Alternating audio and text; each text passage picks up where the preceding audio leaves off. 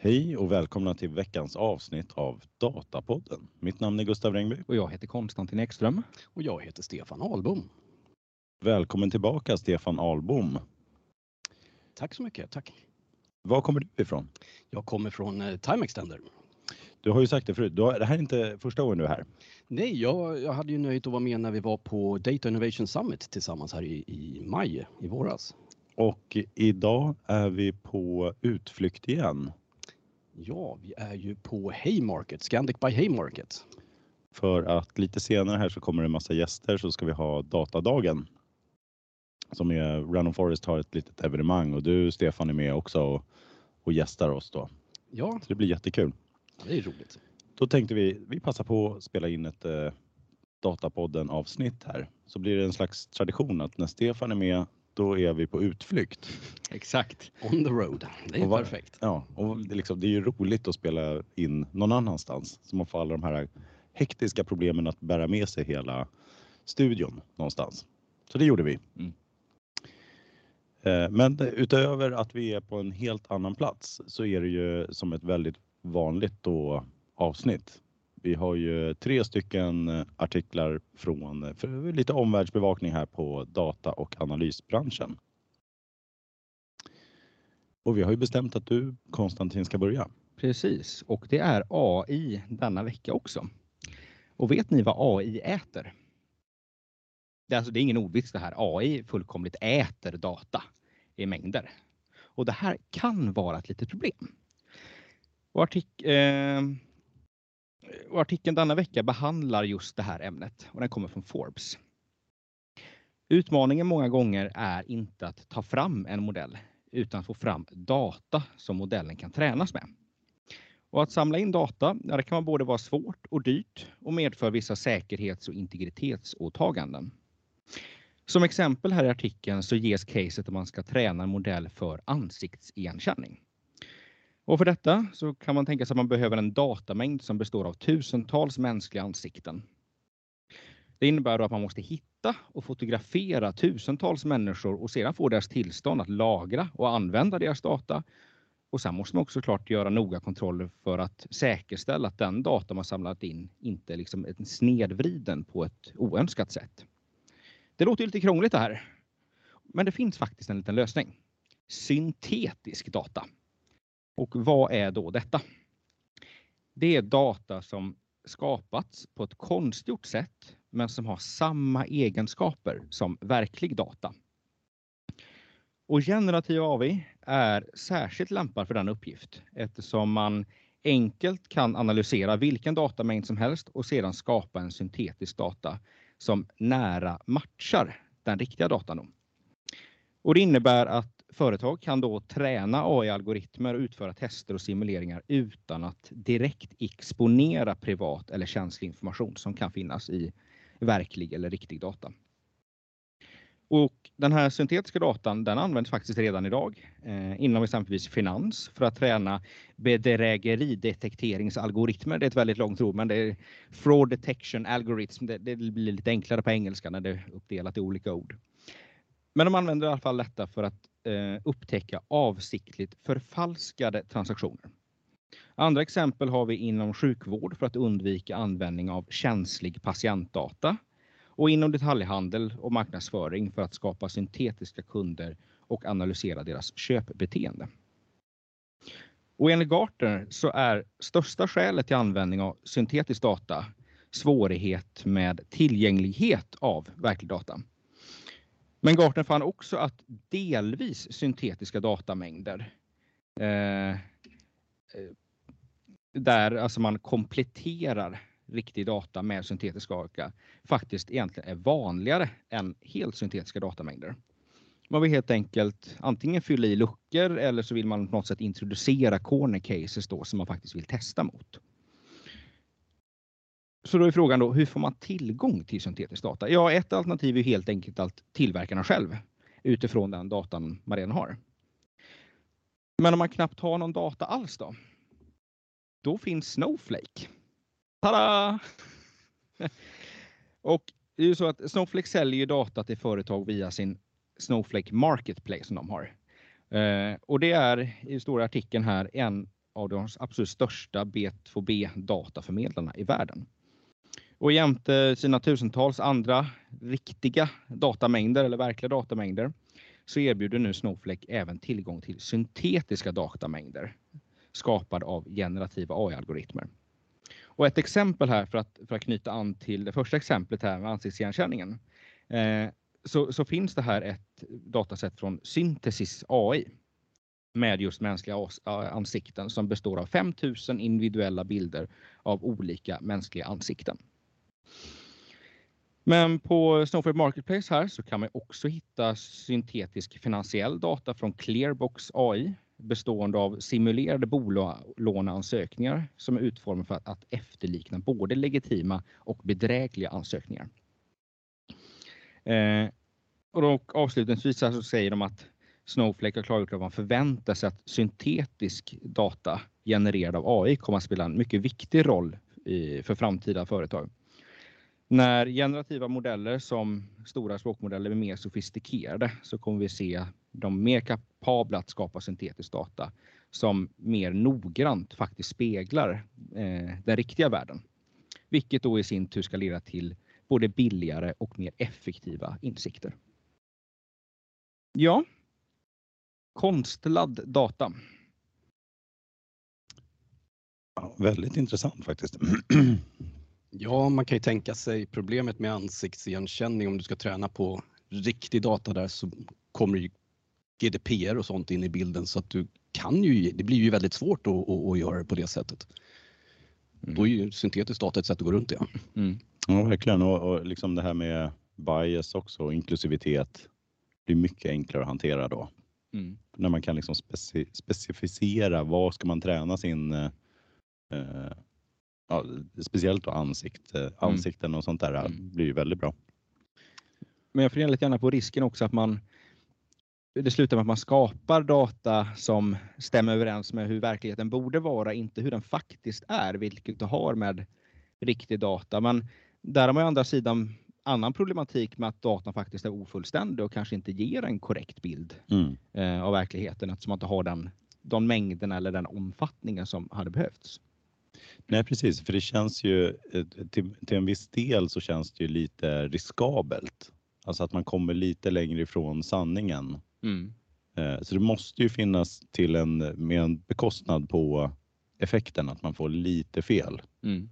också. För jag menar själva idén med när man gör en liksom, avancerad analys av något slag, det är ju att eh, bättre representera verkligheten. Mm så nära som möjligt mm. på ett sätt som vi inte kan beskriva själva.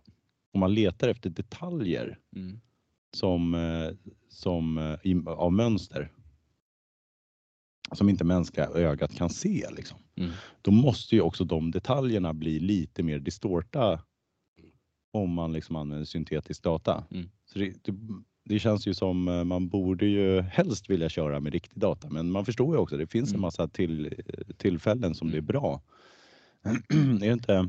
Man skulle kanske kunna tänka sig att man börjar med syntetisk data för att träna och så vidare. Sen så går man över till att använda mer riktig data för att få det mer eh, perfekt mm. eller närmare ja. verklighet. Ja. Jag gillar verkligen det här att man kombinerar, att det är liksom en hybrid. Det är inte antingen eller utan man kanske introducerar corner cases eller fyller på med sånt som man ja, men vi har inte riktigt det här, men det, men det borde kunna hända. Ja. Och då är det bra om den här modellen kan fånga upp det. Precis, och det, det, blir nästan som att man istället för att man utgår ifrån, ja men här är verkligheten min kära maskininlärningsalgoritm, berätta för mig hur den fungerar. Utan du vill ta liksom så här, jag känner till om det här om verkligheten mm. och jag vill att du kära maskininlärningsalgoritm ska fatta det som jag redan vet. Precis, precis. Mm. Så då blir det igen alltså den som ställer bäst frågor är också den som kommer få bäst resultat av datat eller bäst data ska man väl säga. Mm. Så det är ju intressant. Men jag tänkte också på det här. Företag har ju en massa inkomplett data. Och så istället för att slänga den kanske man skulle kunna komplettera det med syntetisk data så att man faktiskt kan använda hyfsat korrekt data med syntetisk data tillsammans och få en bra träningsbild eller träningsdata. Men det var inte bara syntetisk data som nämndes i den här artikeln. Det var lite natural language processing och äh, queries också. Mm. Och så vidare. Är det någon av de här eh, funktionerna som ni tycker är mer intressant än de andra? Kanske är den syntetiska då som är det mest spännande. Den syntetiska är ju intressant just som du säger att den blir ju farlig på grund av att man inte riktigt vet om den är bra eller inte. Man kan investera en massa pengar i data som man tror ska hjälpa en att få ett försprång på marknaden men som faktiskt kanske inte gör det utan snarare gör att man hamnar fel, snett. Mm. Så det är ju det, är det roliga med, mm. eller det intressanta med, med syntetisk data tycker mm. jag. Sen funderar jag lite grann på också den här, du talar om försprånget. Om alla sitter med samma data, då kommer alla ha lika bra, alltså du har inget för, då måste du ha liksom, det blir lite grann de som har bäst data, mest detaljerade, mest eh, detaljrika. De kommer ha försprång för de kommer ha bäst modeller. Om alla tränar på exakt samma eh, syntetiska datasätt som, då, då, då kommer de inte ha ett försprång. Men det kanske inte är långt, det kanske är långt från alla fall där det verkligen behövs. Alltså det, det, det behöver inte vara liksom top of edge. Eh, man kanske tränar på läsa in så här personalhandböcker på någon SharePoint eller någonting mm. bara för att få liksom en tränarmodell utan att behöva skapa så jättemycket. Och då räcker det om den är eh, mer än bara liksom, den är jättebra, men den är inte liksom top edge spitze. Du vill skapa liksom tusen uh, syntetiska person, personalhandläggar dokument eller? Ja, för jag vill ju inte, de vill jag inte skapa manuellt. Nej. Det är ju intressant om man tänker sig annars att man ska hitta problem i hjärtan med hjälp av AI så vill man inte använda syntetisk data för att göra det till exempel. Då, då vill, är det kanske bättre med HR-handböcker. Mm. Ja, precis. De, de nämnde här ett äh, svenskt bolag som Snowflake hade köpt också. Såg ni det i artikeln? Applica. Ja. Kände ni till det företaget? Aldrig hört om förut. Nu känner jag till. Jag tror att vi använde det en gång i tiden när jag jobbade med medarbetarundersökningar. Då, eh, då tog vi in uh, kvalitativa svar, alltså textsvar mm. och för att då kunna uh, analysera de svaren om de var positiva eller negativa eller vad, vad det var som kom ut av de här så, så, så använde vi en tredjepartsföretag. Jag tror att det var Applica faktiskt. Ja, vad roligt. Ja. Mm. De var väldigt framstående kommer jag ihåg på den mm. tiden och det är de säkert fortfarande eftersom Snowflake har köpt dem. Ja, ja det, var, det är kul mm. när det liksom är en eh, svensk export här. Då. Det är jätteroligt. Ska vi gå vidare? Ska vi se, då, då har det blivit min tur. Som har lite sådär, får hoppas att min eh, röst håller här igenom. Jag har eh, lite hes idag, men eh, vi kör på här så, så hoppas vi på det bästa. Och jag har en artikel här. Uh, eight ways chief data officers can demonstrate value från 13 eh, september. Uh, nu missade jag vilken uh, publikation det var, men jag tror det var Forbes. MIT Sloan. Ja, ah, MIT Sloan. Just det. Ja, vad bra att du hade det framför dig, Stefan. Kul att jag kan hjälpa till med något. Ja, du hjälper till med mycket ska jag säga. Jag bara. Så här står det då. CDO är en växande jobbtitel, men jobb, eh, det här liksom ansvaret i den här rollen, då, jobbrollen, är ännu oklar. Ett långsiktigt fokus för rollen har varit datahantering, vilket eh, försvårat chansen att visa affärsvärde, säger de. Stora projekt för att migrera data till molnet, migrera data warehouse till data lake är dyrt, tar mycket tid och med stora risker att misslyckas. Om man nu inte har valt time extender. Ja, exakt. Ska jag tillägga här bara. Eh, I en eh, nyligen genomförd enkät listar Data Governance eh, högst på listan för CDO. Ett område som ofta innebär att man ska försöka övertyga förändringsmotståndande användare att ändra sitt beteende. Det är hårda bud. Dessa otacksamma faktorer gör att CDOn förmåga då att skapa affärsvärde försvåras.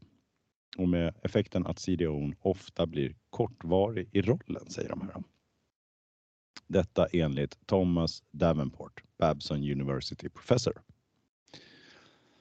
Och eh, Thomas säger här då, ett citat. Jag tycker att det blir mer och mer konsensus angående att data governance är A. Ett dåligt ord för att försöka få människor att göra rätt saker med data och B oftast ett misslyckande. Han är hård alltså. Ja, han är hård. Givet detta så är det en utmaning att visa på värdet inom området. Avslutar han. Utifrån det här då presenterar Thomas åtta sätt att visa värde då, om man nu är Chief Data Officer. Eh, nummer ett. Så nu kör vi på här alla Mm. åtta. Jag tycker att har ni någon kommentar så kör på. Vi brukar allt, annars köra igenom hela artikeln, men ni får. Eh, har ni någonting som ni måste säga Mm. så säg det. Ja. 1. Lägg till ett A i titeln CDAO. Så man lägger till A där då, inte bara CDO, Chief Data Officer, Chief Data Analytics Officer. Ansvarar inte bara för data utan även för tillämpningen av mycket av data inom analys och AI. Så inte bara analys utan också AI. lägger Man, till man behöver inte vara expert inom analys eftersom det räcker att man är affärsinriktad. Det är det som är det viktiga. Det var nummer ett. Mm. Det känns ju ibland som att data, data officern här är tillsatt för att ha ansvar för datan utifrån ett legislations och så vidare, GDPR och så, så att man Ja. kan sätta ett namn på vem på företaget är ansvarig för det här. Mm. Men det blir, det ju- blir ju lätt lite sådär, man, man sitter i liksom en trängd sits mellan alltihop för att du är inte systemägare. Nej. Men du har ansvar för det som är i systemen. Så att det är en väldigt kamp att, att liksom påverka. Det blir ju mer liksom, du kan, inte bara, du kan inte bestämma utan du får liksom sälja in. Det där kan mycket väl hänga ihop med att de blir kortvariga för det måste vara en väldigt frustrerande roll där du inte kan påverka på det sättet. Mm. Ja. Nej, och allt det här med datakontrollen och så där, det handlar ju om att minska risker. Mm. Så om inte det, liksom, eh, det dåliga händer, då har man bara varit en kostnad. Mm. Varför la vi tid på det här? Vi hade ju aldrig någon data som hamnade i, i något problem. Det går inte Så att nu har vi mäta, lagt flera miljoner på det här och du säger liksom, till Chief Data Officern liksom, ja men vad fan, varför la vi de här pengarna på dig? Eh, vi, har, vi har inte fått någonting här. Nej, ja, det är hårt. Då är det ju mycket bättre med de här eh, affärsnyttorna. Mm. För de kommer ju med analysen. Mm. De kommer med AI. Eh, nummer två då. Utnyttja dataprodukter.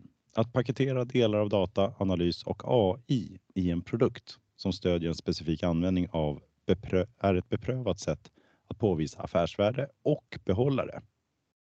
Stärk hela det här upplägget genom att tillsätta dataproduktansvariga som kan fungera som brygga mellan dataanalytikerna och verksamheten. Det är nummer två. Dataprodukter.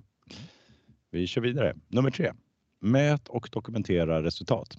Man kan inte värdera det som inte mäts. För att stärka kopplingen mellan data, initiativ och affärsvärde så bör man ta hjälp av finansavdelningen i ett företag som, eh, för att få certifierad affärsnytta. Så man verifierar vilken affärsnytta man får. Det blir mycket starkare än om dataavdelningen beräknar detta själva. Då hamnar det oftast i att affärsnyttan mäts i sparad arbetstid bara. Mm. Det låter väl som ett bra råd. Mm. På det som går att direkt att mäta finansiellt. Eh, Allt, en, en del är ju lite svårt, alltså det här allmänna plattformsbyggandet, underhållet, det som gör liksom eh, enablen för att kunna göra de här Mm. värdeskapande aktiviteterna. De ligger ju lite grann där. Det är mer i början och sen blir det mindre Ja. ju, ju, ju tiden går. Ja precis, man blir till vissa delar här, speciellt då CDO, då, Mm. den här datahanteringen, så behöver man ju gå många år framåt i tiden för att se Mm. affärsnytta. Det räcker inte med ett år. Mm. Men kan man inte generalisera detta också att om man bortser från de monetära värdena. Det, det bör helst vara någon utanför analysavdelningen som är liksom spokesperson som berättar om vad värdet är för dem. För det är någon annan som säger att vi kommer få jättebra nytta Mm. av det här. Vad det nu kan vara för typ av värde. Alltså, Precis, någon på finansavdelningen. Mm. Mm. Men Mm. vad tänkte jag? Jo, alltså, alltså data som ni säger behöver ju vara eh, bra och användas för det här och kunna mätas. Och I den här så skulle man kunna mäta säljprocesser till exempel. Man skulle kunna mäta churn, det vill säga customer success, hur de Mm. jobbar, hur behåller man sina kunder. Så det är ju faktiskt sånt som man skulle kunna mäta i, i, i det här för att se nyttan av bra data eh, för organisationen. Mm. Nej, men det, det är väl en, eh, det här är väl ett så bra råd till alla initiativ i verksamheten. Mm. Man behöver ha att en finansansvarig blir lite domare över Mm. alla initiativ. Mm. Så man jämför eh, liksom inte äpplen med päron. Mm. Annars blir det bara en säljchef och en eh, data CDO som står och skriker om vem som ska få göra en investering. Då. Mm. Helt rätt. Vi kör nummer fyra. Bygg relationer med kollegor. Man kan eh, inte övertyga alla om värdet att använda data. Sök därför i organisationen efter de som värderar data mest. Stöd dessa bäst och vinn över dem. Vinn över dem. Vinn över dem menar jag. Dessa kan sedan användas för att vinna över resten av organisationen. Ambassadörer, Mm. Mm. klassiskt. Det funkar. Ja, och, och det, det går liksom inte om du inte har verksamheten, någon operativ i verksamheten som är med på bollen. Det, du kan ju inte passa till den personen. Den kommer inte plocka upp bollen. Så det gäller att ha den där personen, en champion ute i verksamheten. Både Eh. chefer och icke-chefer naturligtvis. Mm. Ja, precis. precis. Och eh, har man några att välja på så är det ju bättre att ta den som är mest sugen då. Mm. Och som kommer göra ett bra jobb. Och ännu bättre, de har flera. Precis. precis. Eh, nummer fem. Då kommer vi, här är ett speciellt råd då för omogna organisationer. Fokusera på några få användningsfall. Koncentrera eh, på några få strategiska användningsfall, till exempel logistikoptimering eller Customer Next Best Action säger de här. Lyckas med dessa först, eh, första användningsfallen för att demonstrera nyttan med data för hela organisationen. Så försök inte göra allt på en gång.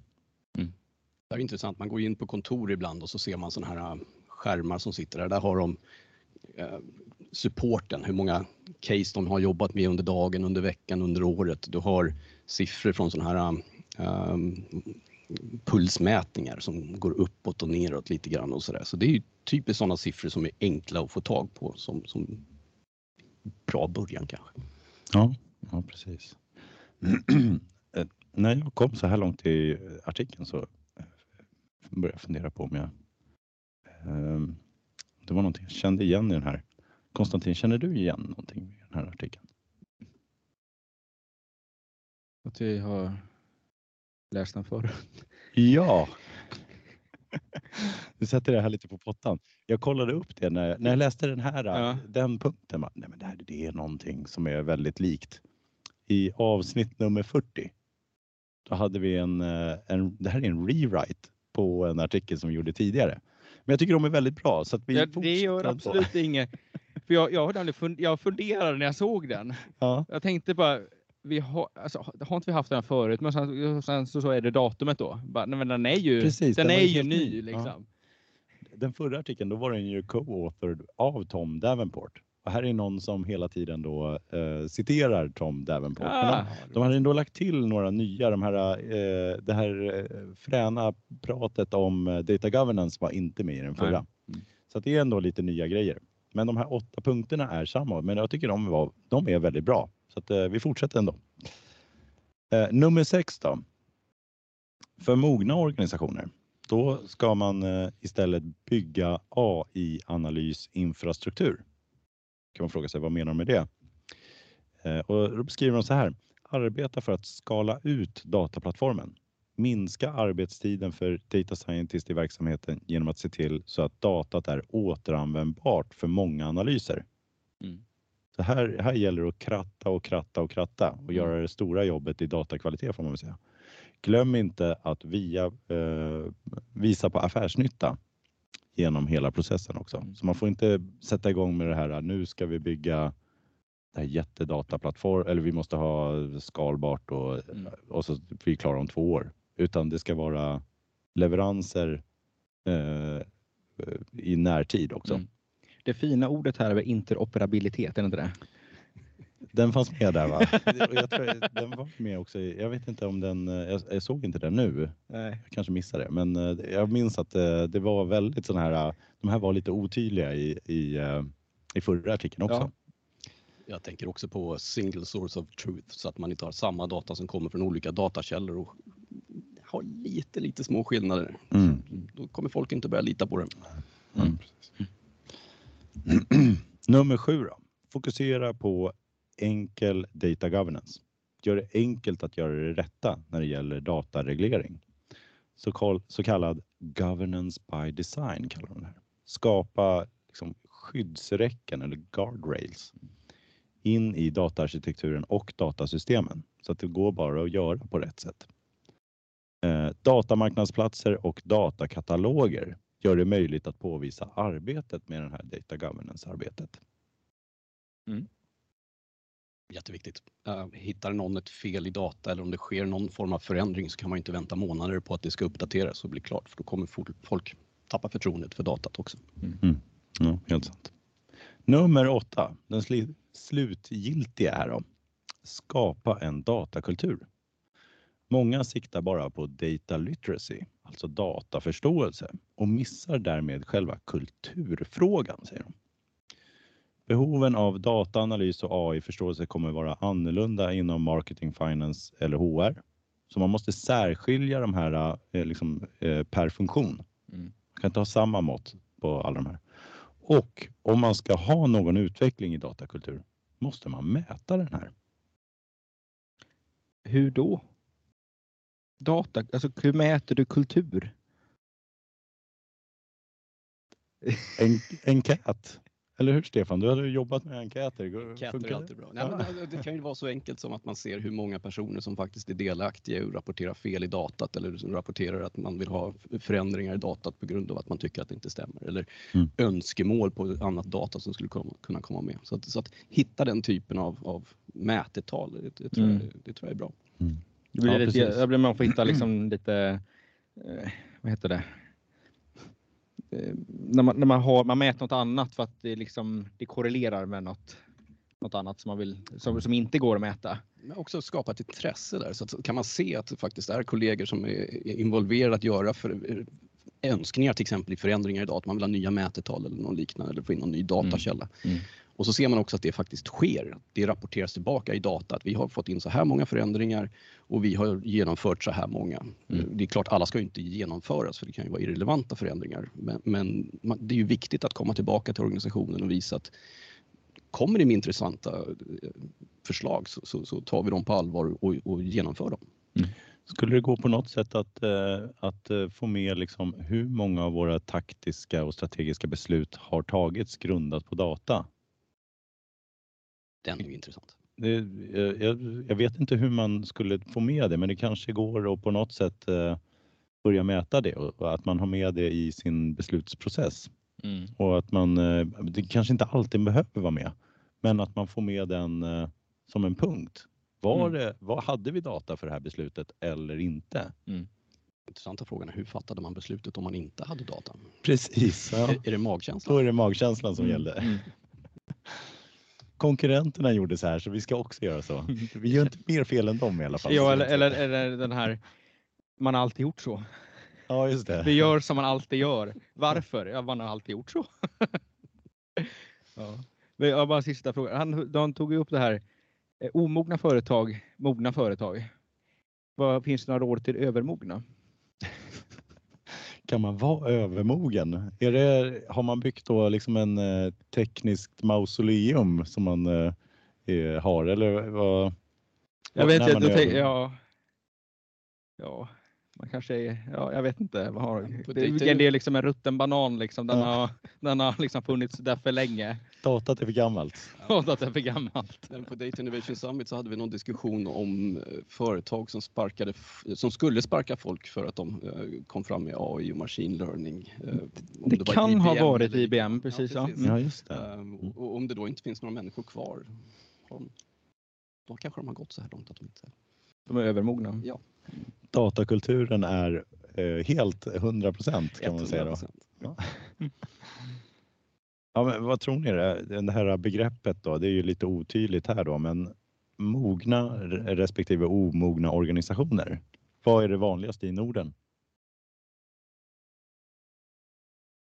Det, går, det är nog svårt, det går nog inte att klassificera någon som antingen mogen eller omogen. Alltså,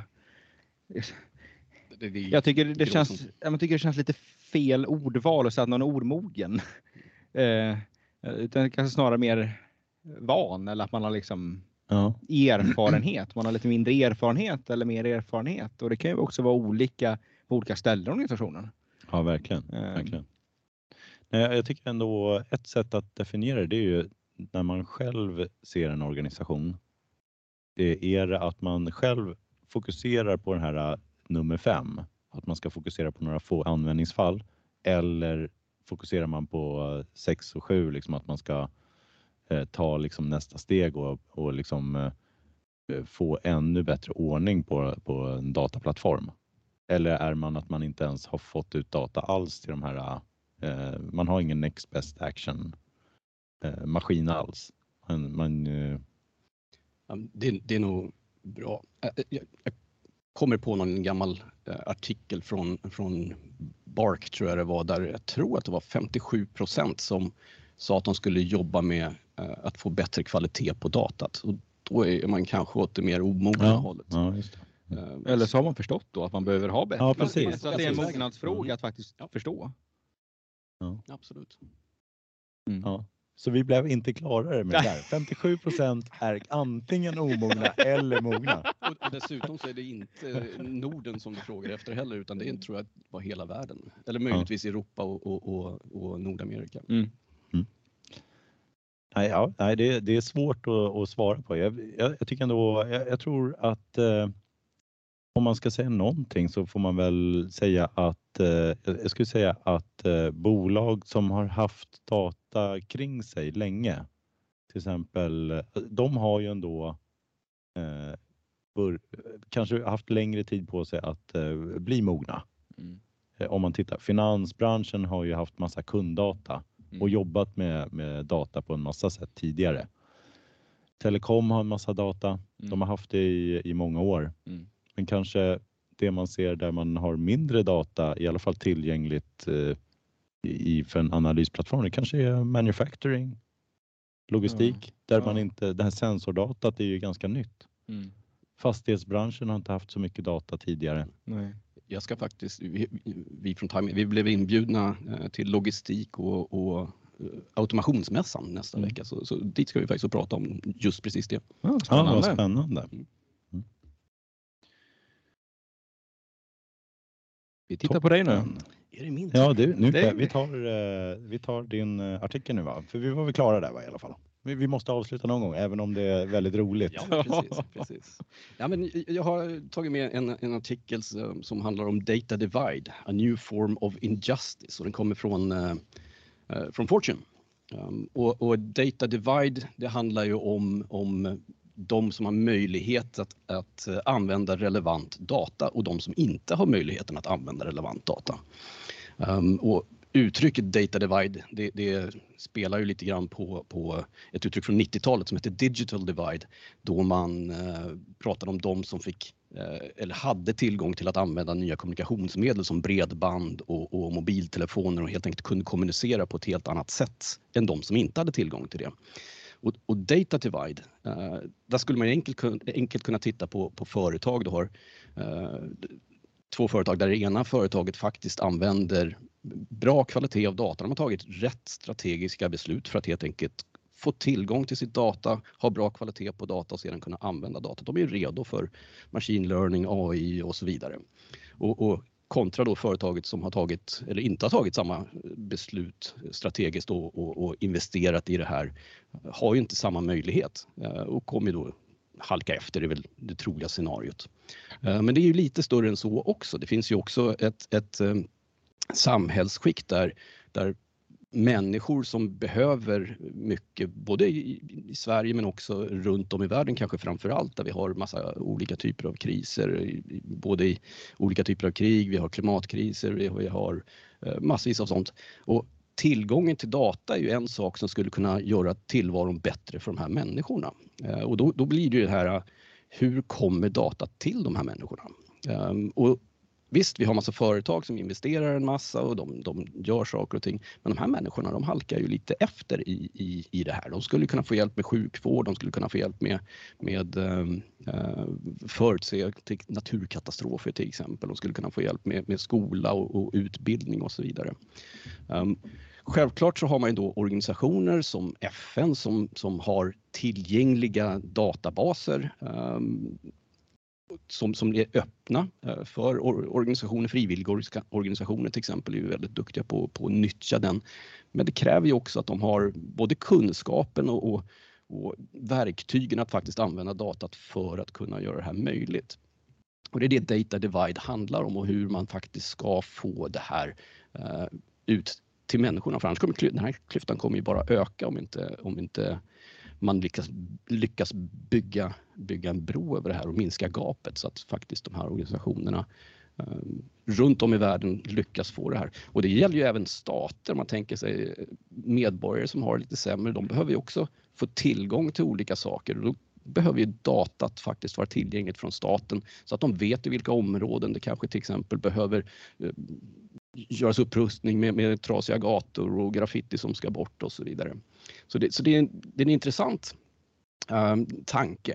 Uh, frågan är ju någonstans hur ska man bygga det här gapet? Och, och, artikeln i sig kommer egentligen inte fram till det här utan belyser ju mer att, att det här är någonting som är, är, är en verklighet där ute just nu. Och lite grann som, som din artikel Gustav, så det här är ju inte den första artikeln som, som är skrivit utan man, man googlar man på data divide så, så finns de ju sedan säkert 20 år tillbaka kom de första artiklarna. Um, och egentligen så har ju gapet kanske blivit större och större för tekniken gör ju det möjligare och möjligare att röra sig snabbare och snabbare. Och machine learning och, och, och, så vidare som håller på att explodera just nu gör ju att de andra faktiskt eh, halkar efter ännu mer. Um, så, så, eh, jag kastar ut en fråga helt enkelt. Hur tror ni att vi skulle kunna bygga igen det här gapet? Eller minska gapet? Ja, spännande artikel tycker jag. Ja. Vi var väl inne här på, nu diskuterar vi liksom vad, vilka som är mogna här i, i förra frågan. Ja, de det här är ju, de presenterar ju lite annorlunda bild för här säger de ju, jag tror de säger i artikeln specifikt att manufacturing är väldigt datadrivna. Det har, vi tror kanske inte riktigt på det. Nej, de har nog digital, liksom digitala tillverkningsprocesser men de är, har ju inte samlat datat eh, i, liksom kanske då i, i en mer eh, för en eh, beslutsfattande på ett mer holistiskt eh, nivå får man väl säga. Så det är väl kanske en, en sån eh, skillnad man får dra. Nej, jag, det, det är väldigt svårt. Alltså jag, jag tänkte på... Alltså, eh, till viss del så tror jag också att en del organisationer har kanske heller inte lika stor nytta av data. Det kan nog stämma, men samtidigt så gäller det att veta någonstans var ska man sätta in vilka insatser till exempel och då mm. är det bra att ha lite data. Ja, det är sant, men men det, det, blir alltid en, så här, en skala där man frågar sig så här, när du går till CFO och du liksom sätter upp det här skulle vi kunna tjäna pengar med data. Mm. Och så har du ett annat initiativ som skapar ännu större affärseffekt. Mm. Eh, säg så här, om du har en organisation som, som är i ett monopol, då kanske du har mindre nytta av att göra en, att använda data för du sitter på en sån bra position på marknaden. Jag, jag vet, eh, jag märkte eh, eftersom min son är väldigt sugen på att dricka Prime nu. Det är en mm. ny läskedryck mm. som eh, influencers. Den, jag läste om så här, det var så här 20 spänn per klunk som de sålde på skolgårdarna. Ja, det var så. Det är helt sinnessjukt. Jag missat det. Här. Det här är alltså en, det är ju två influencers, jag kommer inte ihåg vad de heter, som har liksom släppt en ny typ ungefär Powerade. Det är någon slags lite saftaktig, liksom lätt eh, sötad eh, dryck. Och så är det massa niko äh, inte nikotin. Nej, det... det var önsketänkande för min del. Men ja. eh, koffein menar jag. Nej, jag tror inte. Det här är, är inte, inte koffein? koffein? Nej, för att den kan drickas av eh, mycket yngre barn. Den är så inte det är egentligen bara, man blir bara hög på socker av det typ? Precis, och det är ganska lite socker också. Det är verkligen bara vatten de säljer. Men det, de säljer väldigt Skap, dyrt. Skapa en hype och tjäna pengar. Ja.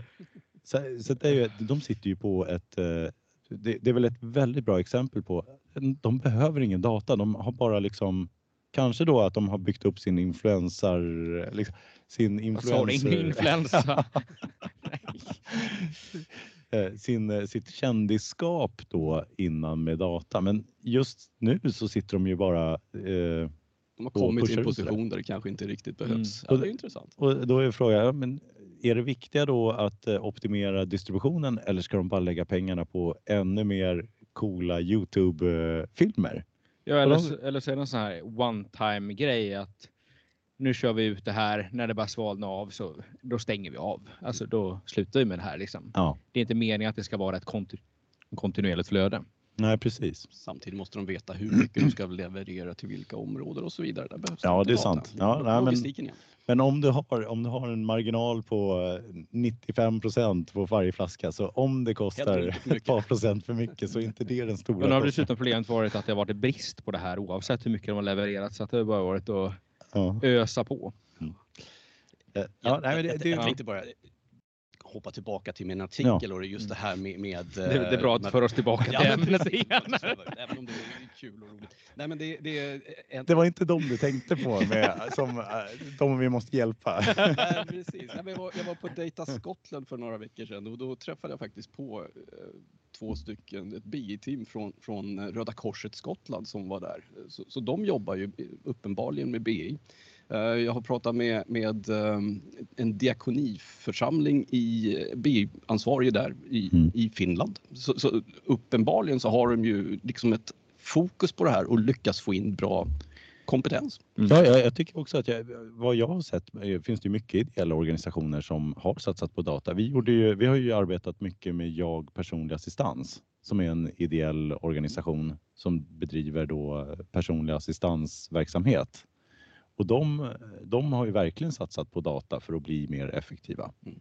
Och precis det där tänkte jag komma till också. Företag som både Random Forest och Timings, vi investerar ju våra egna anställdas tid i att få göra sådana här saker mm. på arbetstid så att säga, ideellt. Mm. Sen har man ju ofta också eh, ett billigare pris om det är en produkt som behöver användas. Jag vet inte om Power BI till exempel har ett billigare pris för, för, för ideella organisationer, men Time Extend får man ju för Jag tror pris. att eh, det finns sådana, eh, även Microsoft kör sådana. Ja, eh, så det är ju det är ett fantastiskt sätt att faktiskt mm. möjliggöra användandet av data och försöka mm. överbygga det här gapet. Mm. Nej, och sen, sen, har man väl ja, kanske Public kanske ligger lite efter här offentlig verksamhet. Mm. Och där tror jag ett stort problem är ju att det är ju ändå organisationer som är eh, de är ju främst byggda för att förvalta långsiktigt. Mm. Det är ju fokus ett för de flesta offentliga organisationer. Och då alla de här nyheterna. Förändringar är inte lika lätt att uh, ta till sig. Mm. Nej, och då kan man ju tänka sig att i, i, Sverige och Norden ser ut på ett sätt och Europa men går man vidare ut i världen så, så blir det lite annorlunda. Mm. Ja. Eh, Stora utmaningar. Och där funderar jag lite grann på när man går längre ut i världen. Att det finns ändå platser där, där man, liksom, man behöver göra en resa innan som är digitaliseringsresan på sina ställen. Att man, man gör saker manuellt eller som en papper och penna. Mm. Mm, absolut. Och det kan ju alltså det, det kan finns i Sverige också så att det, det är inte bara överallt men du har liksom ganska för, alltså, ibland förvånansvärt komplicerade processer som är med papper och penna. Ja. Och då, då, kan man ju tänka sig vad som kan hända med pengar, korruption och så vidare i, mm. i, i de leden mm. med papper och penna. Mm. Ja, det är farligt med penna. Det är, ja, det är alltså, Det är lite enklare kanske, skulle jag ja. tro. Att, ja. att faktiskt, men det talar man verkligen om riktigt datade varje, för då har man liksom inte ens möjligheten Nej. att ta vara på det, utan då måste man börja att digitalisera processen så att man kan och, och då kan man tänka sig att de som, som, som, vinner på den här eh, pengar, alltså mm. som försvinner mellan papper och penna, att, att de vill ju inte ha den här förändringen. Alltså. Nej. Mm. Mm. Ja, nej. Men, men, finns det en eh, risk bland, eh, om man säger, många som vi pratar om nu, ideella organisationer och sådär, de är ju ändå drivna av en passion att göra någonting bättre. Mm. Finns det en risk att de tänker för lite med hjärnan och så så känner man att eh, nej, man missar det där med att effektivisera för att man tänker för mycket med hjärtat. Och, och så säger man, ja men nej men gör den här satsningen, nej. Hellre så tar vi och satsar i våran line of business För då, ja, att man blir lite kortsiktig nästan för att man tänker för mycket med hjärtat. Ja. Den risken finns väl överallt egentligen. Man kan absolut tänka sig att det är, är lättare att satsa på, på katastrofer eller områden där det är eh, mycket som det pratas om i samhället och så vidare mm. för då kommer man få mer respons från, från givare och så vidare. Mm. Men det är en vågskål att man ska, man ska ju liksom utnyttja de pengarna man har fått så effektivt som möjligt. Mm.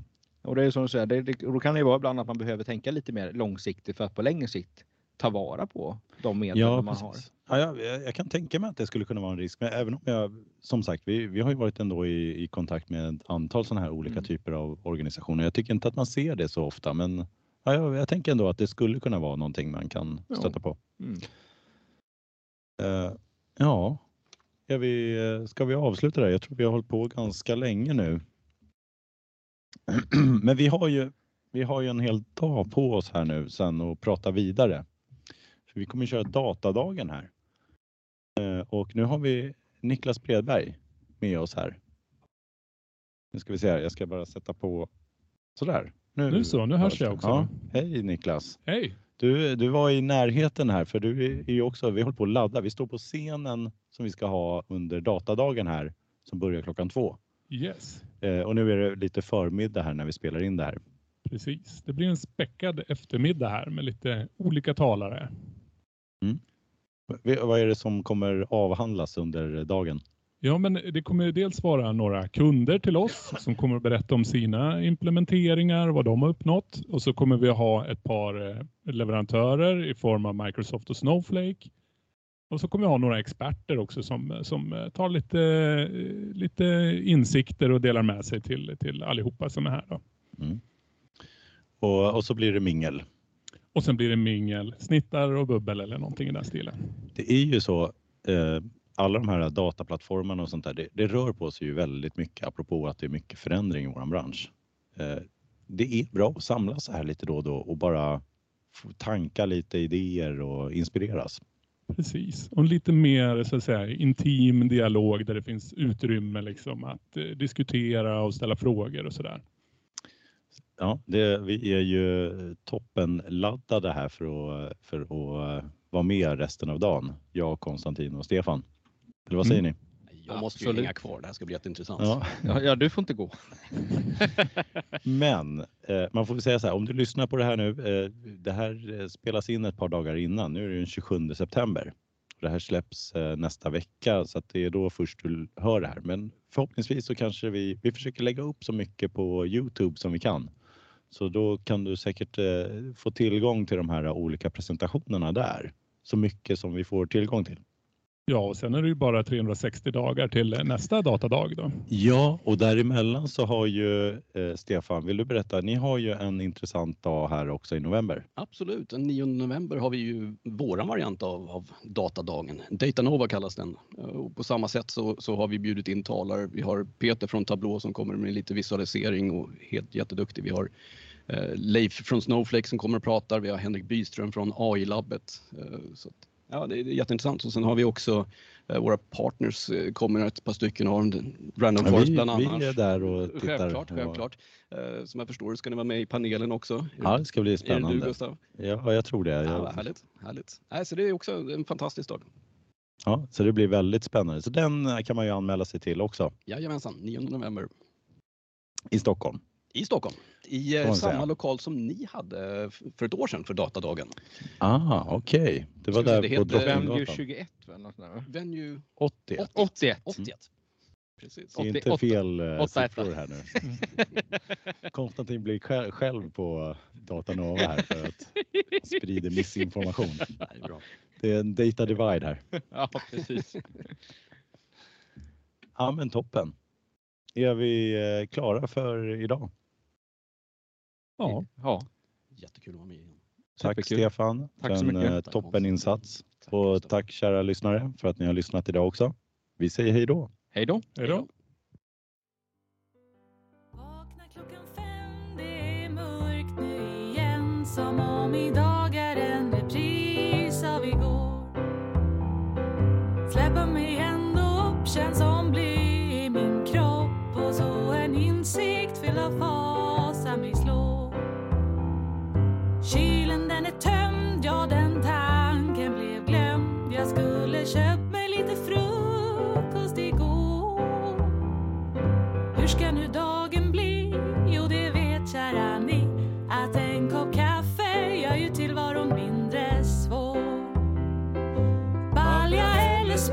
speak.